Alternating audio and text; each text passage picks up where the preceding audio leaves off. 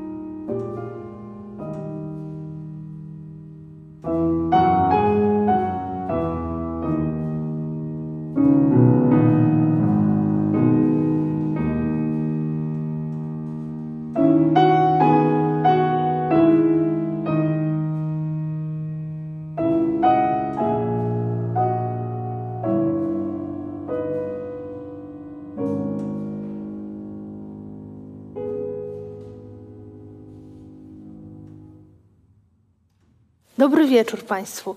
Rozpoczęłam bezsłowną myślą muzyczną. Było to pierwsze z trzech y, intermezzo Brahmsa z opusu 117 Esdur. I myślę, że jest to dobry przykład myśli bezsłownej, zwłaszcza, że pochodzi on z repertuaru muzyki absolutnej, czyli takiej, której właściwie nie powinniśmy przypisywać jakichś sensów, i znaczeń wobec niej zewnętrznych. Poza tym przerwałam, można powiedzieć, tę myśl w pół słowa, bo y, nie pozwoliłam jej wybrzmieć i myślę, że to Państwo wyczuliście. Wrócimy jeszcze do tego przykładu i y, wówczas ta myśl zostanie spełniona.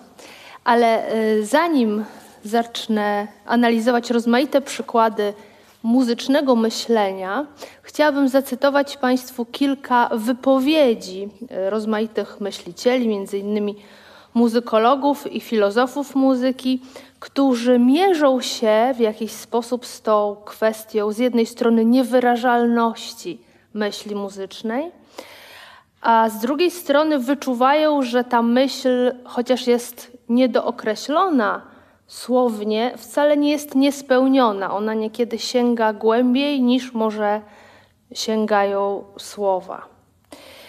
Y, autorem pierwszego y, cytatu, który chciałabym tu przytoczyć, jest Wiktor Zuckerkandl, który mówi w ten sposób. To jest dedykacja dla Państwa, bo wszyscy tu obecni są muzykalni. Być muzykalnym to być zdolnym do zadawania pytań nawet gdy wszystko łącznie z Bogiem zostanie nazwane, wciąż pozostanie pustka do wypełnienia, ciemność do rozświetlenia. Nawet po dokonaniu globalnych rozstrzygnięć język wciąż pozostawi pewne pytania bez odpowiedzi. Trzeba poznać naturę zadającego pytanie na podstawie odpowiedzi, jakich udziela mu muzyka. To pierwszy autor. Teraz kobieta, Amerykanka Kathleen Mary Higgins. Mniej poetycko, za to bardzo przytomnie. Zbyt wielu lingwistów i filozofów traktuje język jako jedyny model myśli. Jestem przekonana, że rola muzyki w życiu człowieka jest pomniejszana właśnie poprzez dominację lingwistycznego modelu myślenia. I ta autorka w swojej książce muzyka wokół nas, próbuje przełamać ten właśnie styl dominujący wśród nawet filozofów muzyki y, i pokazuje, że być może to nie język jest jakimś modelem myślenia, do którego po, powinniśmy próbować porównywać muzykę, tylko może jest odwrotnie. I sięga również do przykładów z neurobiologii ewolucyjnej, żeby pokazać, że to być może jednak muzyka była pierwszym sposobem komunikowania się, przedjęzykowym sposobem komunikowania się, i zanim z niej wyewoluowała sztuka, muzyka jako sztuka, była po prostu narzędziem porozumiewania się między ludźmi. Trzeci autor to Pascal Kiniach, którego ostatnio też cytowałam. Bardzo krótka myśl.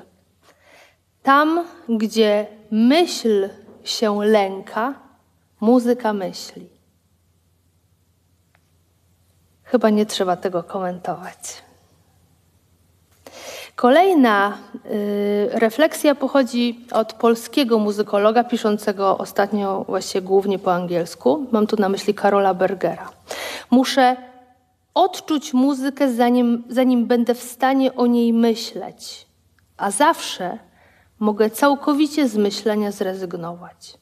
To jest urokliwe, że bardzo racjonalnie yy, filozofujący o muzyce Karol Berger tutaj przyznaje się do tego, że czasami trwa w tym stanie zasłuchania i nawet nie formułuje sądów na temat muzyki. I już ostatni cytat, y, mój ulubieniec George Steiner, osoba, która, jak myślę, jest obdarzona słuchem metafizycznym, czyli takim specjalnym przymiotem, być może um, posiadanym przez wielu z Państwa, a może przez wszystkich, bo myślę, że nie trzeba go utożsamiać ze słuchem muzycznym, z jakimś wybitnym, absolutnym słuchem wysokościowym, harmonicznym, czy z wybitną pamięcią muzyczną, mm, bo chyba to nie jest y, narzędzie, które można jakoś obiektywnie mierzyć, czy którym można jakoś obiektywnie mierzyć nasze doświadczenie muzyki. I z pewnością nawet wielu profesjonalistów, krytyków czy muzykologów jest, śmiem twierdzić, pozbawiony, pozbawionych tego narzędzia. Bo można dość profesjonalnie i na zimno zajmować się muzyką bez tego narzędzia. Natomiast y, osoby tak y, myślące o muzyce jak Steiner wyznają, że onieśmiela ich fakt, że nie umieją śpiewać ani grać na instrumencie, a jednak właśnie Steiner, ten onieśmielony filozof literatury, celuje w pojęciowym ujmowaniu doświadczenia muzyki i wielokrotnie pisze o tym, że ideałem dla każdej ze sztuk powinno być właśnie osiągnięcie kondycji muzyki.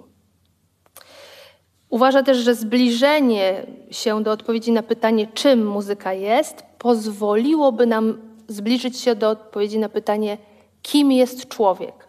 I to jest właśnie chyba świadectwo najlepsze tego słuchu metafizycznego y, Steinera. Przyniosłam tutaj ze sobą jego książkę Poezja myślenia.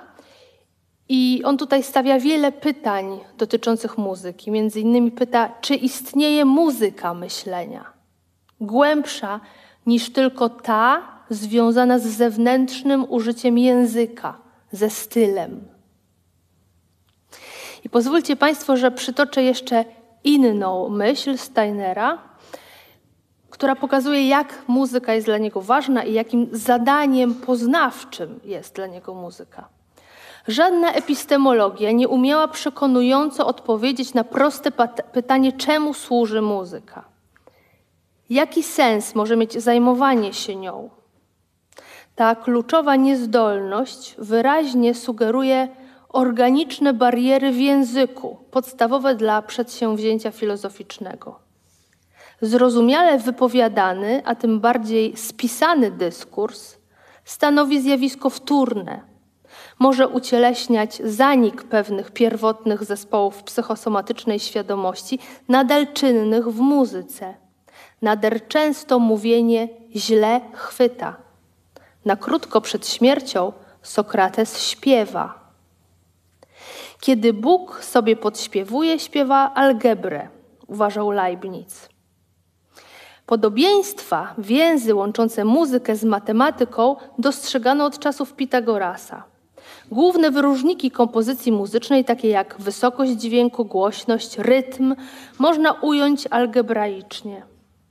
A podobnie historyczne konwencje w rodzaju fug, kanonów i kontrapunktu.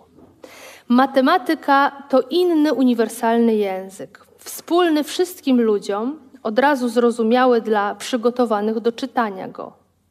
Tak jak w muzyce, także w matematyce pojęcie przekładu stosuje się tylko w trywialnym sensie. Koniec cytatu. Wiem, że była to niełatwa myśl, ale pokazuje ona, jak ważna dla tego myśliciela jest muzyka. I to podobieństwo, które on wielokrotnie w rozmaitych książkach akcentuje, podobieństwo między muzyką i matematyką, teraz chciałabym jeszcze przywołać. Może te osoby, które uczestniczyły w naszym poprzednim spotkaniu, pamiętają, y, że była tam mowa przy okazji refleksji nad muzyką i pamięcią mm, o pewnych właśnie neurobiologicznych mm, pokrewieństwach między tymi modusami myślenia, myślenia muzycznego i myślenia matematycznego. Jak wiemy, myślenie przebiega dwutorowo. Upraszczając troszeczkę sprawę, możemy powiedzieć, że myślimy werbalnie i niewerbalnie. Myśleniem niewerbalnym jest myślenie przestrzenne, myślenie matematyczne i emocjonalne. I do tego należałoby też dopisać myślenie muzyczne, zwłaszcza wtedy, kiedy obserwujemy na przykład artystę, który grając na instrumencie, muzykę czysto instrumentalną, trwa w tej myśli bezsłownej. Raczej wówczas nie konceptualizuje tego, co robi, a jeżeli zaczyna konceptualizować, to często wpada w tarapaty związane z pomyłkami pamięciowymi. Matematycy myślą niewerbalnie, można powiedzieć, że podobnie jak muzycy.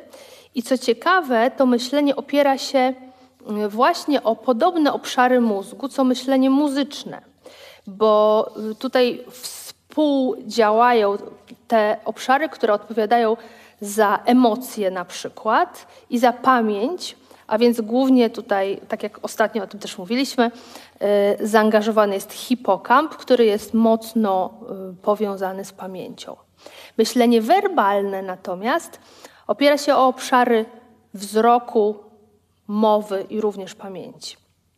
Tak jak powiedziałam, grając na instrumencie myślimy niewerbalnie i to wkraczanie myślenia werbalnego zaburza to myślenie, które jest, można powiedzieć, szybsze, myślenie y, muzyczne, myślenie niewerbalne. Ja jestem dzisiaj w niemałym kłopocie, y, uprawiając to, co tutaj przed Państwem próbuję robić, czyli mówiąc o muzyce i jednocześnie wykonując muzykę, ponieważ właśnie stoję y, na rozdrożu między dwoma modusami myślenia. To, że mówimy o muzyce, która jest dla nas ważna, wynika oczywiście stąd, że jest, ciąży nad nami, można być taki przymus nazywania yy, i konceptualizacji i zamieniania wszystkiego w narrację. Yy, I to też widać w takim potocznym języku muzykologicznym, kiedy Państwo czytacie jakieś teksty o muzyce, a nawet recenzje muzyczne, to możecie tam zauważyć wiele zapożyczeń z nauk o literaturze. Przede wszystkim modę na to, aby traktować muzykę jako opowieść, narrację. Kiedy oceniamy czyjeś wykonanie, często mówimy, że ktoś gra spójnie, koherentnie, logicznie, że prowadzi frazę w sposób logiczny, tak jakby to była y, wypowiedź. Ale nawet kiedy obserwujemy lekcje muzyki, może ktoś z Państwa ma dzieci w szkole muzycznej, to można właśnie usłyszeć wiele razy, że nauczyciel każe dzieciom opowiadać historię, nie pozwala, żeby dzieci grały o niczym. Jeżeli dziecko gra nudno, to stara się mu nauczyciel opowiedzieć, o czym jest sonata Mozarta, żeby w jakiś sposób tchnąć życie w tę muzykę. Ale niekiedy nauczyciel ucieka do, można powiedzieć, jeszcze lepszej metody, bo tańczy albo próbuje pokazać całym ciałem to, o czym jest muzyka. I to właśnie zwykle bardzo dobrze się sprawdza na kursach mistrzowskich, gdzie niektórzy wielcy nauczyciele nie władają wszystkimi językami y, ludzi i aniołów, w związku z czym pokazują swoim kursantom jakby całym ciałem, jak należy to zagrać. I to jest, okazuje się, uniwersalny język i doskonale działa, bo ten język ruchów jest jakby bliższy muzyce niż słowa. Moim przewodnikiem, właściwie naszym wspólnym, będzie dzisiaj amerykański filozof, jeden z takich najbardziej znanych współczesnych filozofów muzyki, Gerald Levinson, który napisał tekst, napisał artykuł zatytułowany idealnie, to pasuje do naszego spotkania, Muzyczne myślenie. On pisze tam bardzo wiele ciekawych rzeczy, ale ja chciałabym zwrócić uwagę na takie podstawowe rozróżnienie, które być może jest obciążone pewnymi niekonsekwencjami i błędami, ale wydaje się, że dosyć klarownie pokazuje taką podstawową różnicę pomiędzy dwoma sposobami myślenia muzycznego. Po pierwsze, Levinson szuka w repertuarze muzycznym takich przykładów myślenia, które nazywa myśleniem ucieleśnionym w strukturze. Co to znaczy? To znaczy, że, tak twierdzi Levinson, muzyczne struktury przybierają postać jakichś aktów refleksyjnych, tak jakby stawiały pytania, odpowiadały na pytania, poszukiwały czegoś, konkludowały. I Levinson podkreśla, że w tych procesach nie możemy odkryć jakiegoś jasno określonego przedmiotu. To znaczy, te działania tych struktur nie są ukierunkowane ku jakiemuś konkretnemu przedmiotowi. Tymczasem w drugim sposobie muzycznego myślenia możemy odkryć jakby myśl kompozytora. Tutaj Levinson mówi o tym, że to myśl kompozytora ujawnia się w strukturze i ta myśl już ma jakiś konkretny przedmiot. Tym konkretnym przedmiotem jest ewoluująca kompozycja muzyczna. Czyli gdybyśmy mieli znaleźć przykłady, zresztą zaraz będziemy to robić, takiego właśnie myślenia, to szukalibyśmy pewnych na przykład technik wykorzystywanych przez kompozytora po to, załóżmy, żeby przejść z jednej tonacji do innej, to byłaby, załóżmy, modulacja, albo w ramach, powiedzmy, struktury um, homofonicznej, czyli melodii z akompaniamentem, nagle pojawia się struktura polifoniczna, czyli wielogłosowość w jakimś określonym celu, po to, żeby forma muzyczna ewoluowała. I teraz, gdybyśmy chcieli mm, szukać tych przykładów, idąc tropem Lewinsona, to y, moglibyśmy zacząć, może tak króciutko, od Chopina, aby pokazać te struktury, które powiedzmy pytają i udzielają odpowiedzi.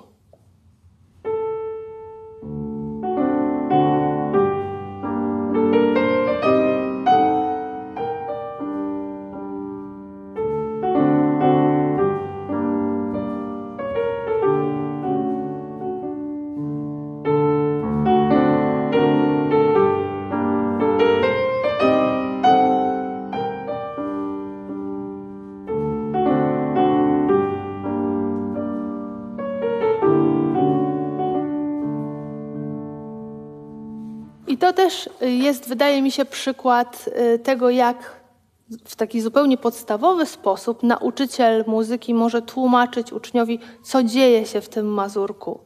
Kiedy uczeń, powiedzmy, nie słyszy sensu tych zagranych przeze, mną, prze, przeze mnie przed chwilą fraz muzycznych. Teraz pokażę inny przykład, mm, o którym mówi Levinson, czyli takich struktur, które może będą na początku trochę trudno uchwytne. Ja je odnalazłam y, w fantazji Mozarta, w fantazji Cemol, y, oznaczonej w katalogu Kechla numerem 475. I wydaje mi się, że możemy tutaj mówić o tym, że mm, struktury muzyczne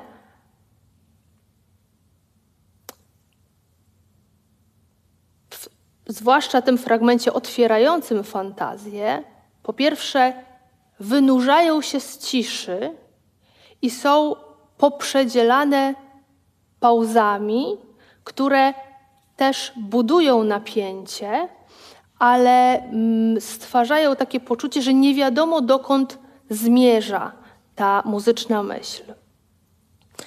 Mm, usłyszycie Państwo kilka takich, można powiedzieć, y, przykładów dążenia i jakiegoś otwierania się jakiegoś y, horyzontu i domykania, aż w końcu usłyszycie Państwo taką już potoczystą, można powiedzieć, myśl, y, gdzie pojawią się mm, takie zmieniające się współbrzmienia, akordy. Y, o nich powiedziała kiedyś Nadia Boulanger, że tutaj każdy akord otwiera nową perspektywę.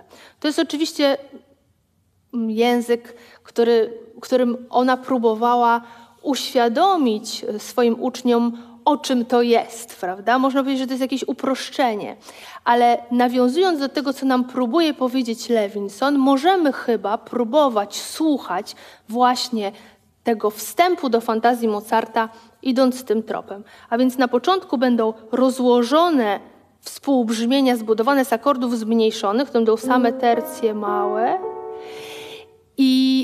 pauzy, a potem wreszcie mam nadzieję, że usłyszycie Państwo jakiś stabilny fragment w tonacji pogodnej, durowej, i potem fragmenty, gdzie każdy akord, jak mówi mistrzyni Nadia Boulanger, otwiera nową perspektywę.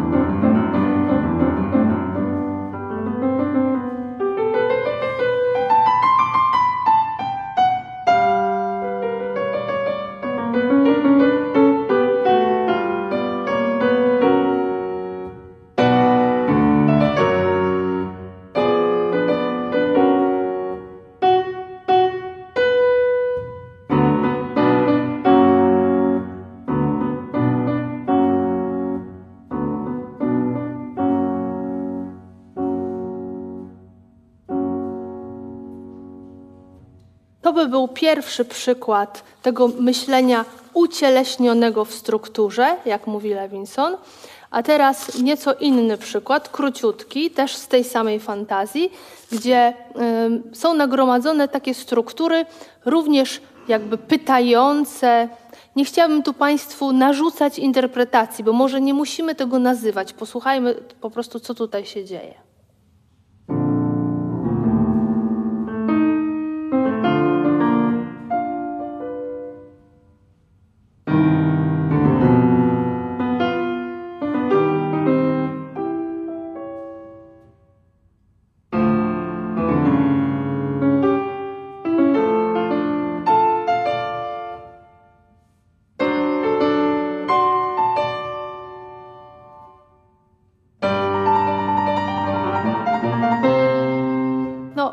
Jeśli miałabym to jakoś nazwać, to byłoby to jednak dążenie, prawda, do tego punktu, który jest oznaczony w zapisie nutowym jako più allegro.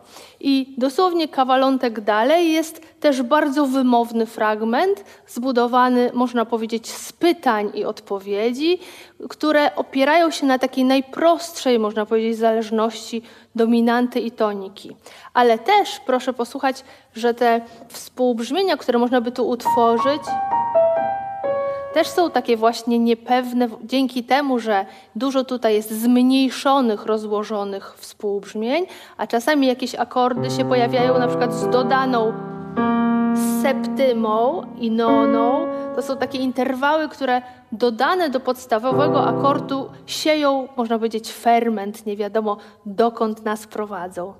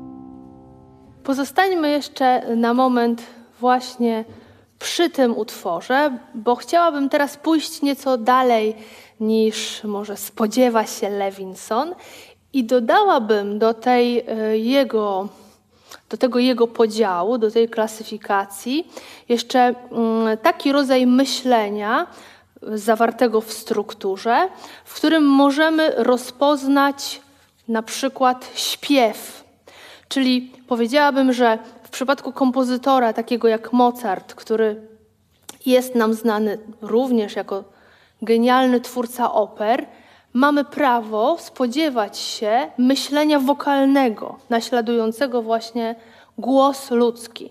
I tutaj pozwolę sobie pokazać y, takie dwa przykłady. Pierwszy mógłby być przykładem arii,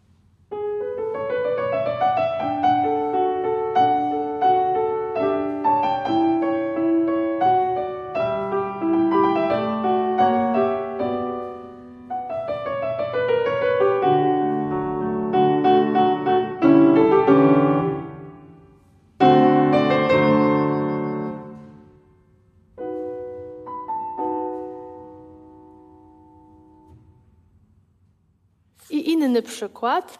Można byłoby tutaj sobie wyobrazić jakiś rodzaj dialogu między kochankami na przykład. Może to jest wesele Figara?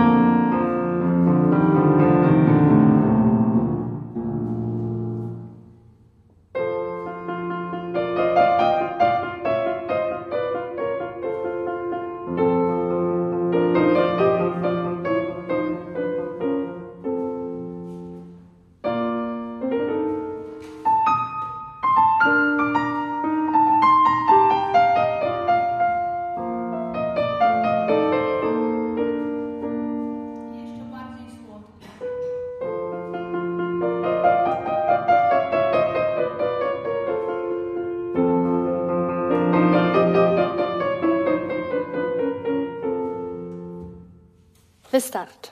Jeszcze jeden przykład myślenia, które mm, nazwałabym myśleniem orkiestrowym, symfonicznym. Mozart być może tutaj, w tym fragmencie, każe nam wyobrazić sobie orkiestrowe tutti.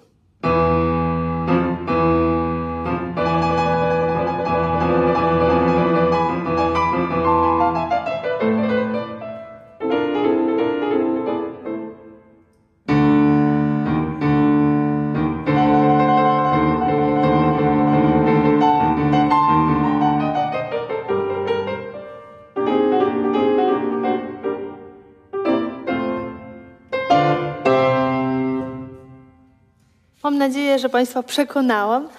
Y, nie wiem, czy do końca mi się to udało, ale wydaje mi się, że można byłoby właśnie pójść o krok dalej niż Levinson i szukać też tych struktur, które w fakturze fortepianowej przybierają postać mm, taką, że przynajmniej wykonawca musi sobie wyobrazić y, jakąś, mm, może trochę inną niż narzucającą się przez ten perkusyjny instrument rzeczywistość, czyli właśnie śpiew i brzmienie orkiestrowe, które oczywiście jest możliwe do uzyskania na fortepianie, ale tutaj w przypadku Mozarta wydaje mi się, że to brzmi tak właśnie operowo bardziej. Teraz przykład bardzo wyrazisty myślenia ucieleśnionego.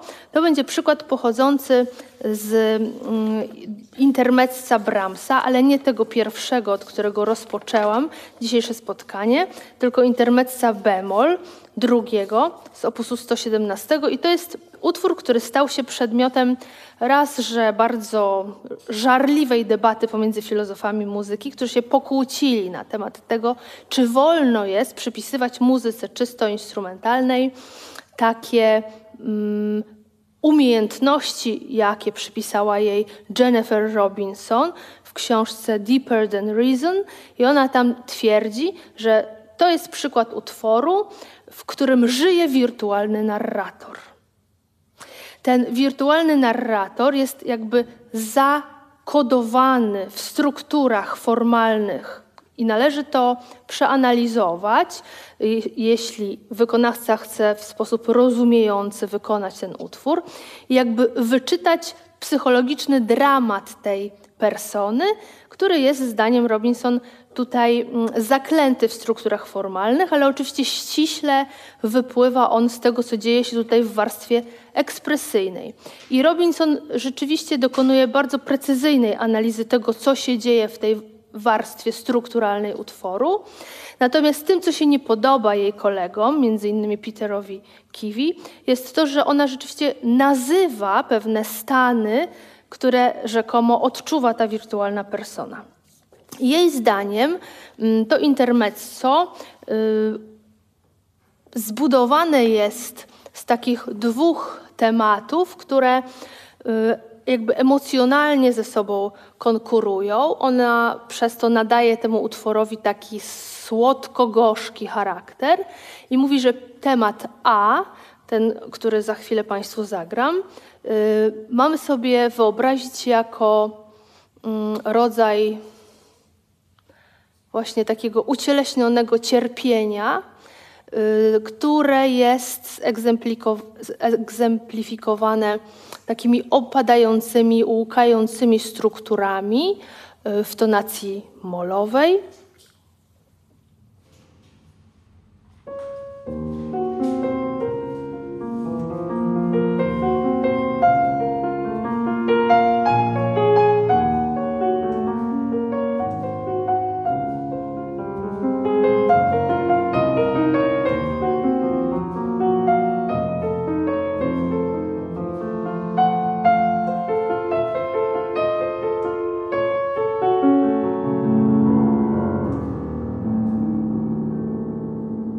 A więc ta struktura, zdaniem Levinson, cierpi, a więc nie tylko myśli, ale też można powiedzieć czuje.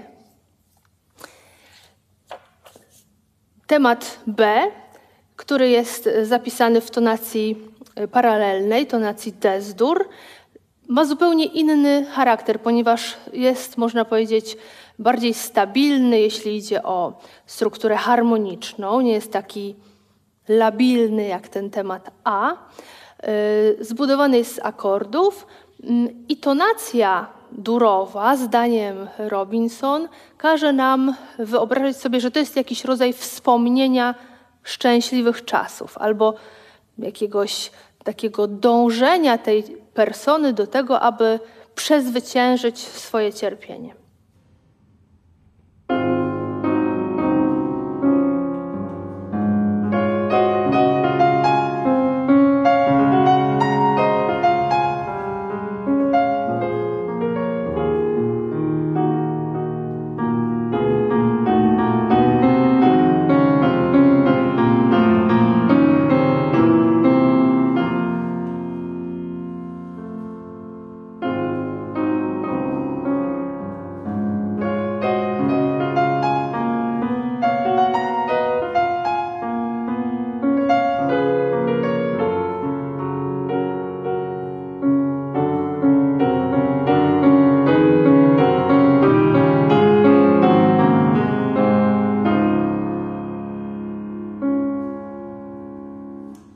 Teraz, co ciekawe, zdaniem Levinson dochodzi do rozwiązania tego konfliktu psychologicznego. Dzieje się to w kodzie tego intermezza, gdzie spotyka się materiał y, motywiczny tematu, który ona nazywa A i B, ponieważ można powiedzieć, że ten temat A przybiera kształt w pewnym sensie tego tematu B y, i uważa, że dzięki temu zespoleniu mm, ekspresji zawartej w tym, co było łzawe i labilne i tym, co było stabilne i pozytywne, y, persona godzi się ze swoim losem. Y, ja Państwu zagram y, taki fragment, który doprowadza do tego pojawienia się kody i do tego właśnie zespolenia materiału obu tematów.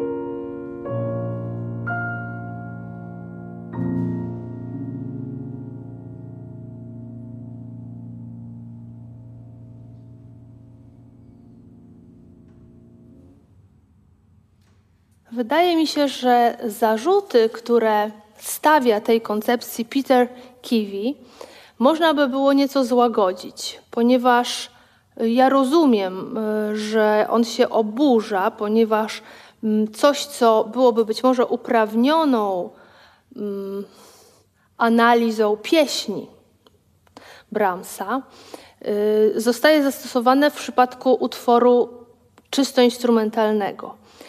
I Kiwi uważa, że to jest taka czysta praktyka narratywistów. Y, niesłusznie przypisuje się, zdaniem Kiwiego, personie y, jakieś uczucia, które zamieniają się w historię. Ale wydaje mi się, że w praktyce y, wykonawczej, a chyba Jennifer Robinson jakoś zainspirowała się tym, co przeżywają wykonawcy, dzieje się tak, że my czytamy te struktury formalne i ekspresję, która się z tymi strukturami splata, w taki sposób, aby uczynić z nich jakiś rodzaj strumienia myśli. I wydaje mi się, że to może być czysty strumień myśli, napięć, odprężeń, dążeń. Krótko mówiąc, może być tak, że my przypisujemy tym strukturom pewne rezygnacje, dążenia, ale nie musimy tego koniecznie nazywać, tak jak ja to teraz robię. Nie musimy tego werbalizować. Mm, I być może wtedy właśnie mm, dokonuje się jakiś rodzaj kompromisu między tym, co oburza Kiwiego, który nie chce, żeby muzyka była zamieniana w opowieść, i między tym, co próbuje nam powiedzieć Robinson, czyli próbuje nam powiedzieć, że to nie jest o niczym, że to nie jest abstrakcja, tylko że to jest przesycone mm, ludzkimi emocjami.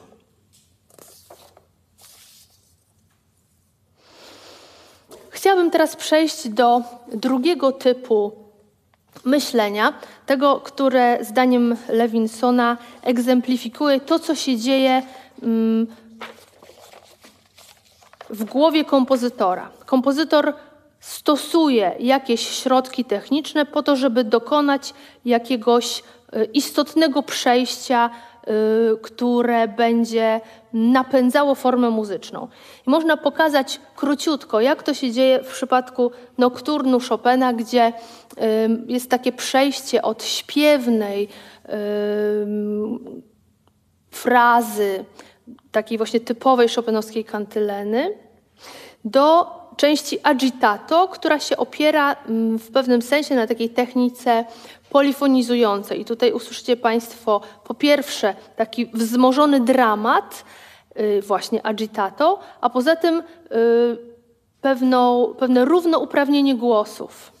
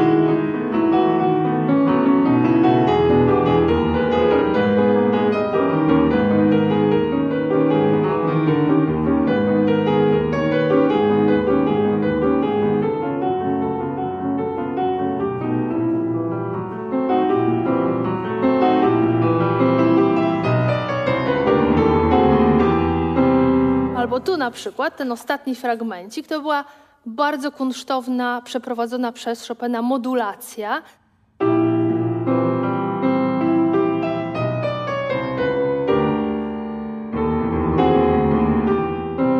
Można by było przeanalizować na zajęciach, y, które mają studenci, y, analiza dzieła muzycznego, gdzie się podpisuje te wszystkie akordy i ludzie się zastanawiają, jak to jest możliwe, że to jest tak genialnie i logicznie przeprowadzone i że to tak dobrze brzmi.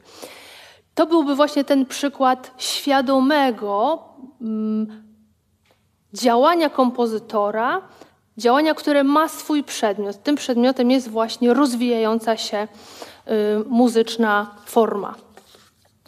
I teraz też chciałabym dodać coś do tego, co proponuje Levinson. Mm, wydaje mi się, że mm, to, o czym on mówi, kiedy mówi o myśleniu kompozytora, y, ujawnia też pewne cechy, że tak powiem, osobiste, jakieś znaki szczególne tego myślenia, które y, sprawia, że nie pomylimy raczej Haydna i Mozarta, chociaż czasami trudno jest to nam nazwać, można powiedzieć tak za Jean Kelewiczem, że to jest nieuchwytne takie nie wiem co, je ne co sprawia, że Mozart jest y, nie do podrobienia, ale w tym właśnie charakterystycznym dla każdego kompozytora mm, stylu y, fachowcy znajdują pewne idiomy stylistyczne, które sprawiają, że nie pomylimy się i nie pomylimy na przykład Chopina z Schumannem. Mm, a więc szukałabym również w tym myśleniu kompozytora właśnie takiego śladu y, znaku szczególnego. Takim y, śladem znaku szczególnego u Schuberta jak Państwo pamiętacie z naszego ostatniego spotkania, była figura ostinato. O tej figurze mm, Karol Berger pisał y, między innymi w ten sposób, że to jest taki środek kompozytorski promujący nowy sposób słyszenia, pasywnego słyszenia. Y, Schubert zwraca się tu w stronę liryki jako wielki kompozytor pieśni i faworyzuje pewne figury, właśnie repetycje i figurę ostinato, e, po to, aby zaprosić słuchacza e, do takiego stanu transu, gdzie tworzy się taki strumień rytmiczny, który właśnie uzdalnia nas do tego, żebyśmy odczuwali szerzej rzeczywistość. Ja tylko przypomnę, bo to ostatnio dosyć dokładnie analizowaliśmy, jak brzmiało to ostinato w Andante z ostatniej sonaty Schuberta.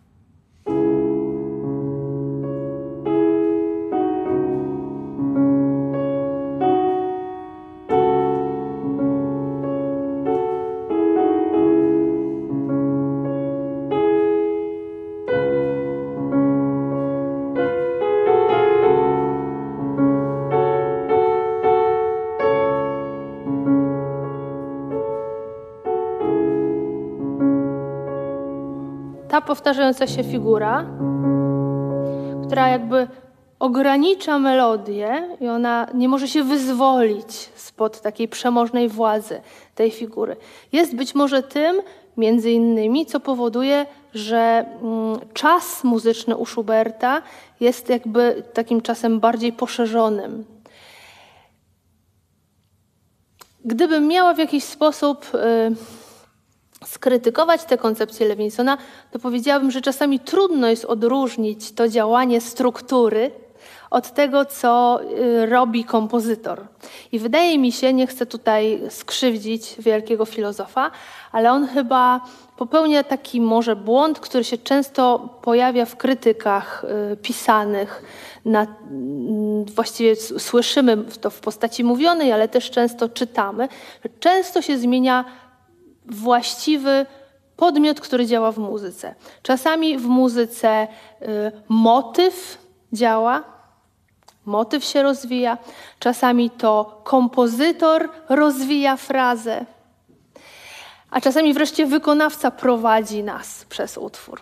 I ten podmiot często jest właśnie taki zmienny, co chyba w jakiś sposób zaciążyło na tym myśleniu Lewinsona, bo chciałam teraz Państwu pokazać przykład y, otwarcia poloneza fantazji, gdzie za, zachowują się te struktury, można powiedzieć, w podobny sposób jak u Mozarta w tej fantazji Cemol.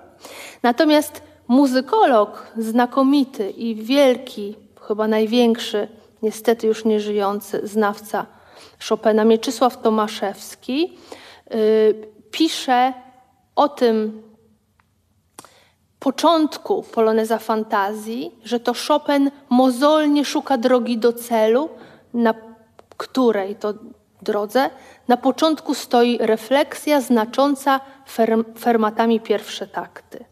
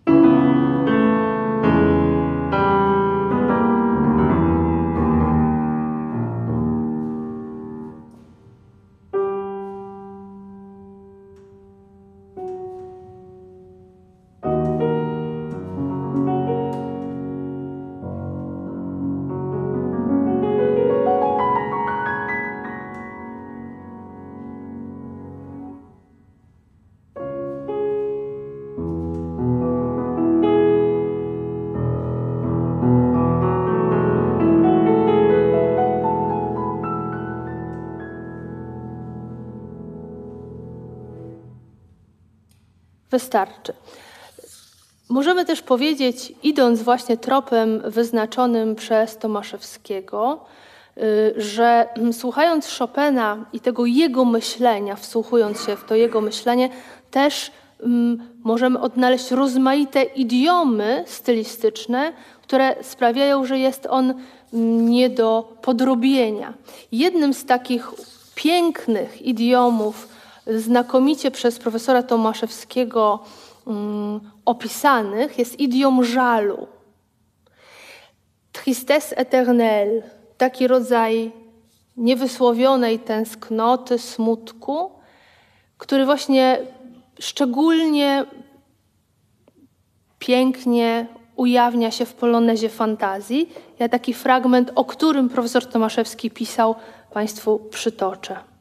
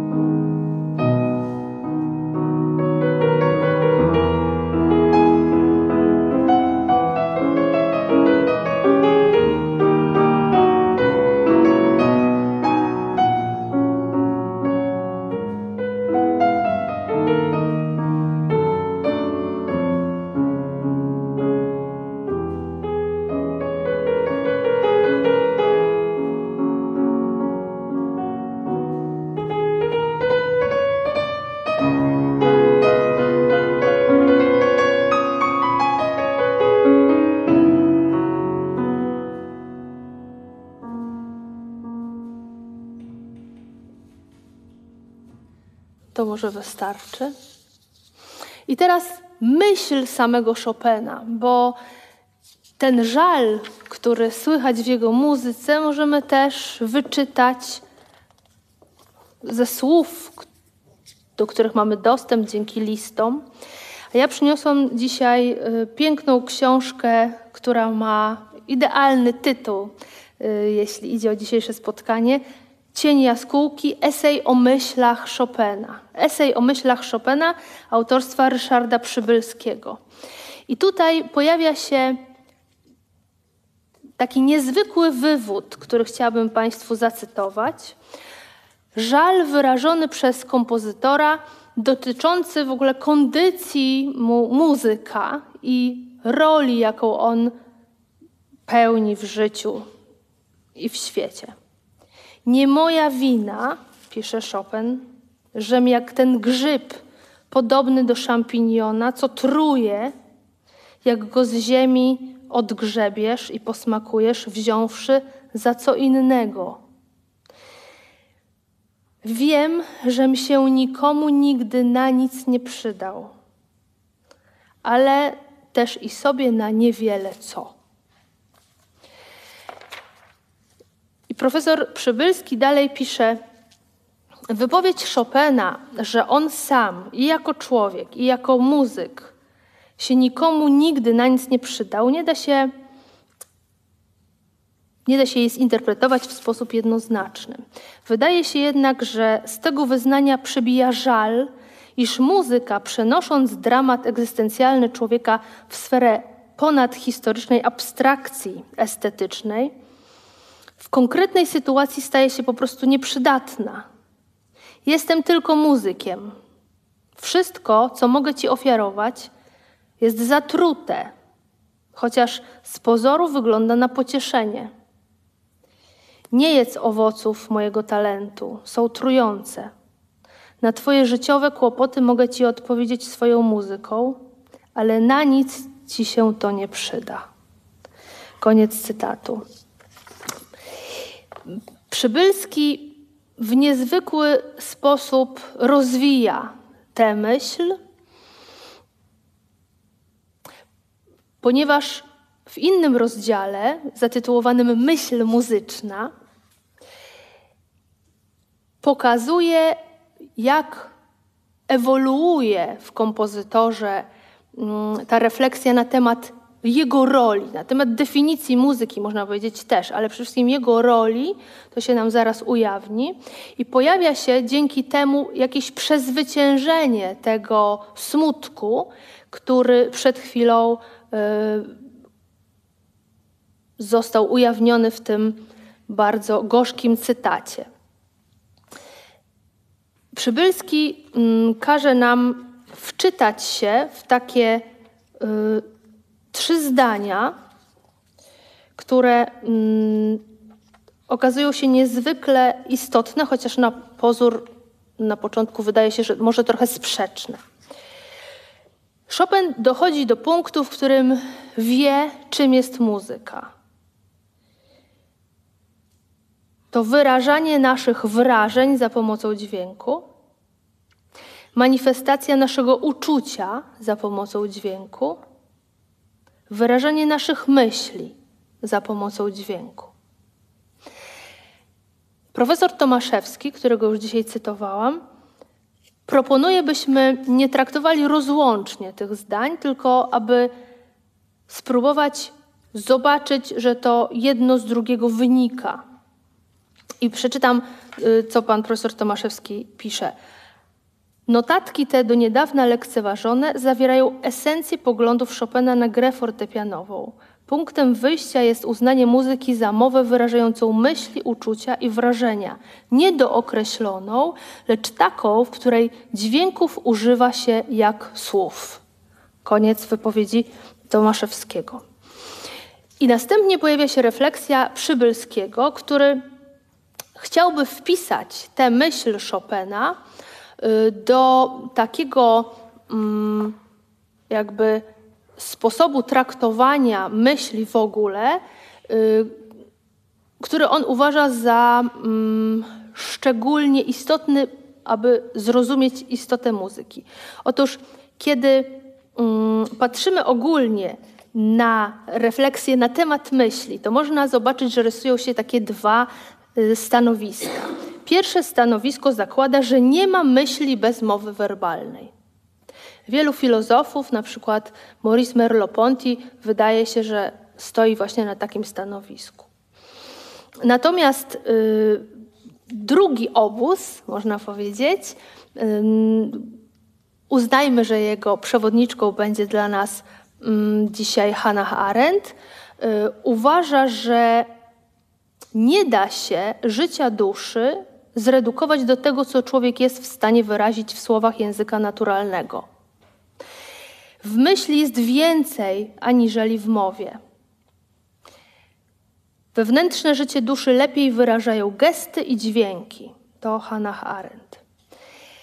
Mogłaby się, zdaniem Przybylskiego, powołać jeszcze na Einsteina, którego śmieszyło przekonanie niektórych ludzi, że myślenie odbywa się za pomocą słów. W ogóle, napisał w liście do swojego przyjaciela, bardzo rzadko myślę słowami. Myśl przychodzi, a ja mogę starać się wyrazić ją w słowach potem. Czyli można powiedzieć, że myślenie pojawiało się u Einsteina przed słowami i było od nich zupełnie niezależne. Kiedy mm, Przybylski podkreśla, że Chopin dochodzi w swojej y, refleksji na temat roli muzyka do tego punktu, kiedy już wie, że muzyka jest po to, żeby wyrażać myśl, to zdaniem Przybylskiego następuje przełamanie tego impasu i już nie jest muzyk grzybem trujakiem. Muzyk nie jest trującym grzybem, z pozoru tylko jadalnym, przekazuje bowiem istotę naszej istoty, myśl. Zasiadając do fortepianu, Chopin obejmował w posiadanie centralny punkt sfery naszego bytu. Dlatego w końcu wyzbył się kompleksu nieprzydatności i doszedł do zrozumienia ludzkiego wymiaru sztuki, którą uprawiał. Tyle Przybylski w eseju Myśl muzyczna z książki Cienie Jaskółki, esej o myślach Chopina.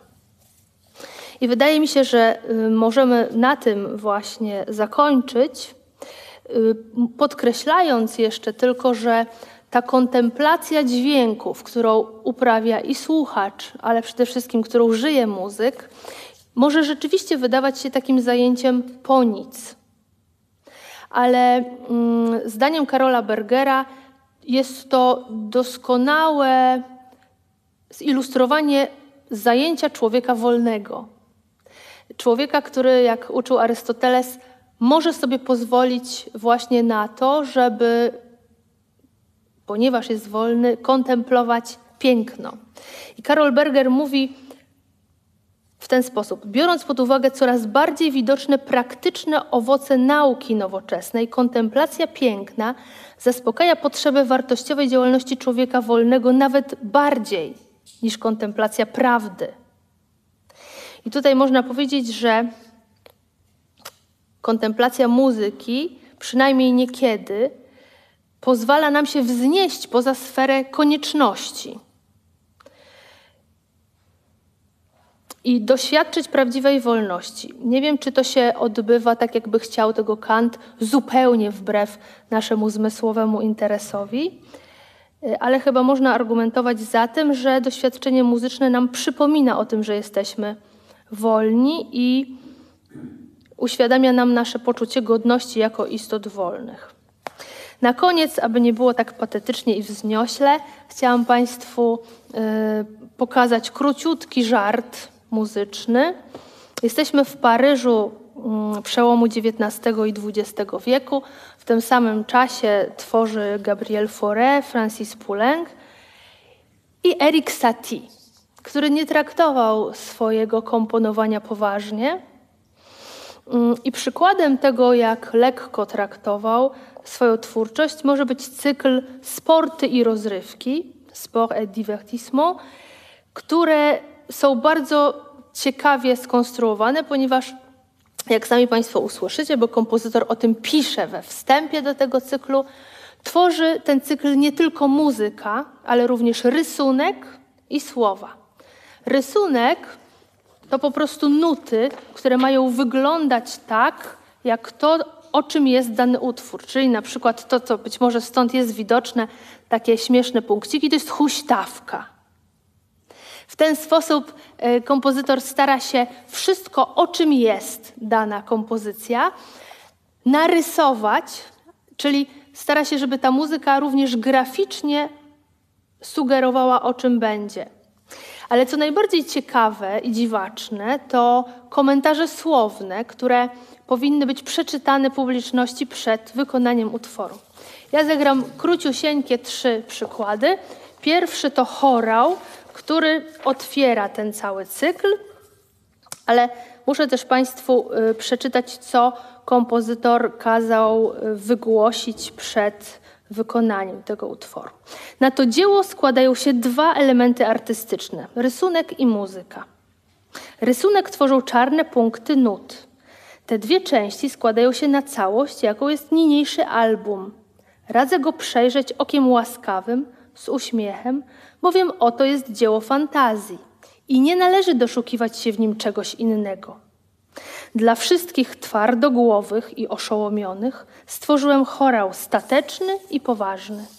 Niechże będzie on rodzajem gorzkiej preambuły, surowego wstępu. Włożyłem w niego wszystko, co wiem na temat nudy.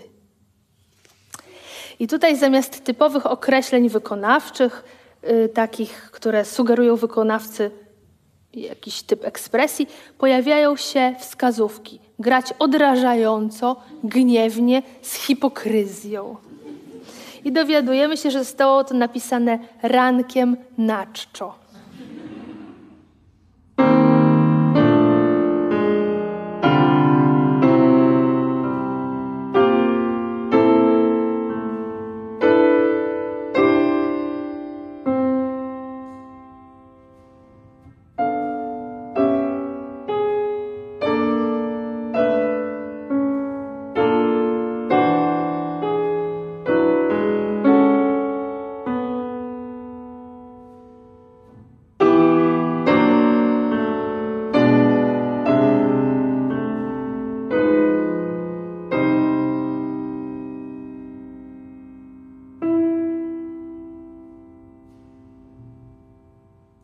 Huśtawka.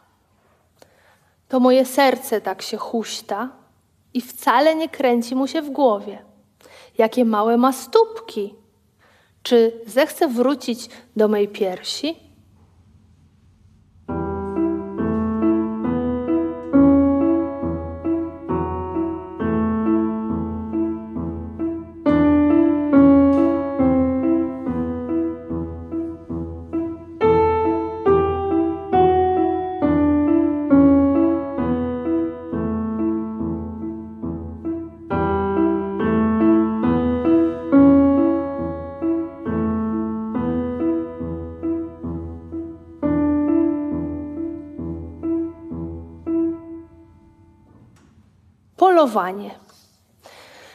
Czy słyszycie śpiewającego zajączka? Cóż za głos! Słowik jest w swoim gniazdku. Sowa karmi pisklęta. Młody dzik zamierza się ożenić. A ja strącam z drzew orzechy za pomocą strzelby.